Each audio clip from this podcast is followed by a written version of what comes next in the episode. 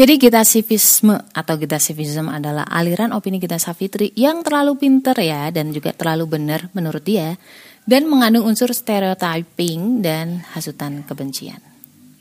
Sorry sorry, ini bukan aliran pemikiran ya. Namanya aliran pemikiran itu kan sifatnya objektif. Ini lebih ke aliran opini, lebih bersifat sangat sangat sangat subjektif. Tapi gue nggak akan bahas dia sebagai uh, person, gue nggak peduli background dia apa, siapa, lulusan Jerman, apalah, I don't care. Aku akan bahas tentang alirannya tersebut. Ini non absolut, lu bisa banget ngehujat, silahkan. Assalamualaikum warahmatullahi wabarakatuh. Hai, ini Ria. Kamu lagi ada di podcast Self Healing, podcastmu yang sedang belajar berdamai dengan luka, melalui psikologi Islam. Rata-rata pemuja dari kita Safitri itu akan bilang bahwa Gita itu cerdas banget ya. Menurut gue sih enggak. Pas ditanya kenapa, oh ternyata karena Gita itu berani untuk speak up. Kalau misalkan speak up doang, anak gue yang usia 4 tahun itu udah apa berani banget buat speak up. Dan gue tahu banget nih, banyak sekali tong kosong yang nyaring bunyinya, gak ada isinya gitu. Menurut gue, pemuja Gita itu bukan mencintai Gitanya sih, tapi kayak dia tuh mencintai diri mereka sendiri, tapi terwakili sama Gita gitu kan banyak orang yang gak berani speak up kan. Nah, pas ada yang berani speak up, dia kayak kagum gitu merasa apa ya, wah ada temennya kan gitu kan. Tapi ntar pas dihujat balik dia bakal bawa nama-nama eh dia bakal bawa-bawa nama kita untuk tameng. Kita akan langsung ngomong, kita nggak perlu ngomong landasan teori atau istilah-istilah canggih no. Aku tuh terbiasa sebagai katabolisme menguraikan yang kompleks menjadi sederhana. Nah mungkin kalau kita itu mengkomplekkan sesuatu yang sangat sederhana, oke? Okay? Yang pertama dan ini mungkin masih jadi trending topic, I don't know. Keputusan dia untuk child free. Jadi dia merasa dihujat, merasa dihujat ya karena keputusannya tersebut. Padahal sebenarnya nggak juga gitu. Redaksionalnya dia dan gue gue udah bahas di video sebelumnya. Dia tuh nggak mau tuh pas lagi keputusan child free dia nggak mau disangkut pautin sama agama. Tapi pas pas kemarin ada cowok-cowok dengan sikap yang kurang baik, itu dia sangkut pautin sendiri sama agama gitu. Dan dia menyebutnya sebagai ahi-ahi trash.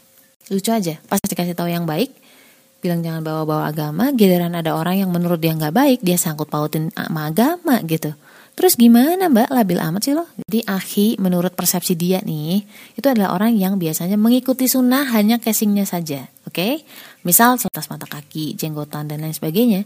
Dia ceritakan kisah tentang spiritual abuse, tentang ahi-ahi yang bersifat kurang baik sama pasangannya. Padahal loh, dia nggak ngalamin sendiri. Dia bahkan sempat uh, uh, ngumpulin eh, pengalaman-pengalaman orang banyak banget yang DM katanya banyak banget yang DM gitu ya. Padahal mungkin satu dua tiga gitu kan. ya kan kita nggak pernah tahu banyak menurut versi dia sama kita kan beda ya cuy. Lah terus uh, dia share di um, storynya dia. Jadi udah nggak ngalamin sendiri, cuma diceritain dari si korban yang mana si korban juga subjektif kan. Ditambah kesubjektifas kesubjektivitasannya si kita sendiri. Jadi menurut gue bukan double subjektif, tapi subjektif kuadrat. Dua orang yang sangat subjektif bisa menghancurkan sebuah negara. Aku nggak bilang apa yang dia bilang itu salah. Memang kenyataannya ada sih ahi-ahi yang belum baik. Gue sendiri pernah ngalamin dan tahu dengan mata kepala sendiri. Gak ahi-ahi doang, maksudnya gini, ada ahi-ahi yang gak baik, tapi banyak juga loh ahi-ahi yang baik yang sesuai sama perilaku Rasul. Yang bukan ahi aja, yang bukan ahi, bejat juga banyak. Jadi kenapa yang disorotin ahi-ahinya gitu loh. Kita aja pakai jilbab, emang udah baik? Oh, mungkin dia ngerasa udah baik ya.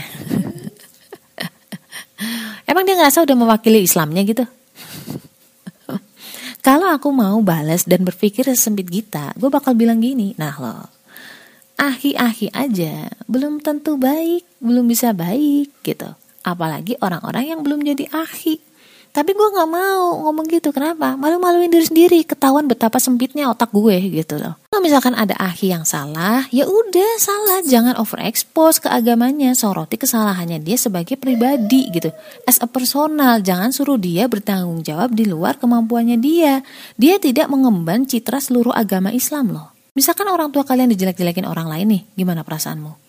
Kalian jelek-jelekin agama sendiri, itu analoginya sama dengan kalian ngejelekin ibu sendiri di muka umum. Malah menghasut orang untuk membenci ibu kalian, kan lucu gitu loh. Lu anak dia bukan? Stereotyping ini ujungnya tuh ngegiring opini, menghasut orang lain, nggak nyadar namanya ngehasut itu nggak disadari bro. Menghasut biar benci kepada uh, suatu kaum atau suatu umat atau suatu komunitas. Jadi yang awalnya didiskreditkan adalah aki-aki nih.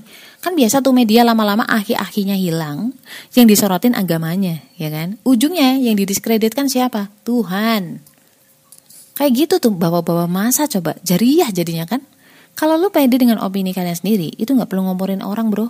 Kalau kalian sentimen sama ketentuan Islam, itu berarti kalian sentimen sama yang kasih aturan itu, yaitu Allah. Kalian celah ketentuan Allah, yang kalian celah itu siapa? Allah. Lah emangnya situ lebih pinter gitu. Situ lebih ngerti dari Allah. Kalau kita belum mampu menjalankan suatu perintah, ya udah akuin aja kalau kita belum mampu. Jangan celah ketentuannya, Ojan. Dengar ya, nggak akan berkurang keagungan Allah, walaupun jutaan orang itu seperti kita. Dan nggak akan berkurang derajat Rasul, walaupun semua orang itu menjelek-jelekan beliau. Yang jelek itu siapa? Ya kalian sendiri yang jelek-jelekin. Cuma kadang-kadang kepo ya gitu. Sebenarnya tuh mbak Gita tuh diapain gitu sama Islam?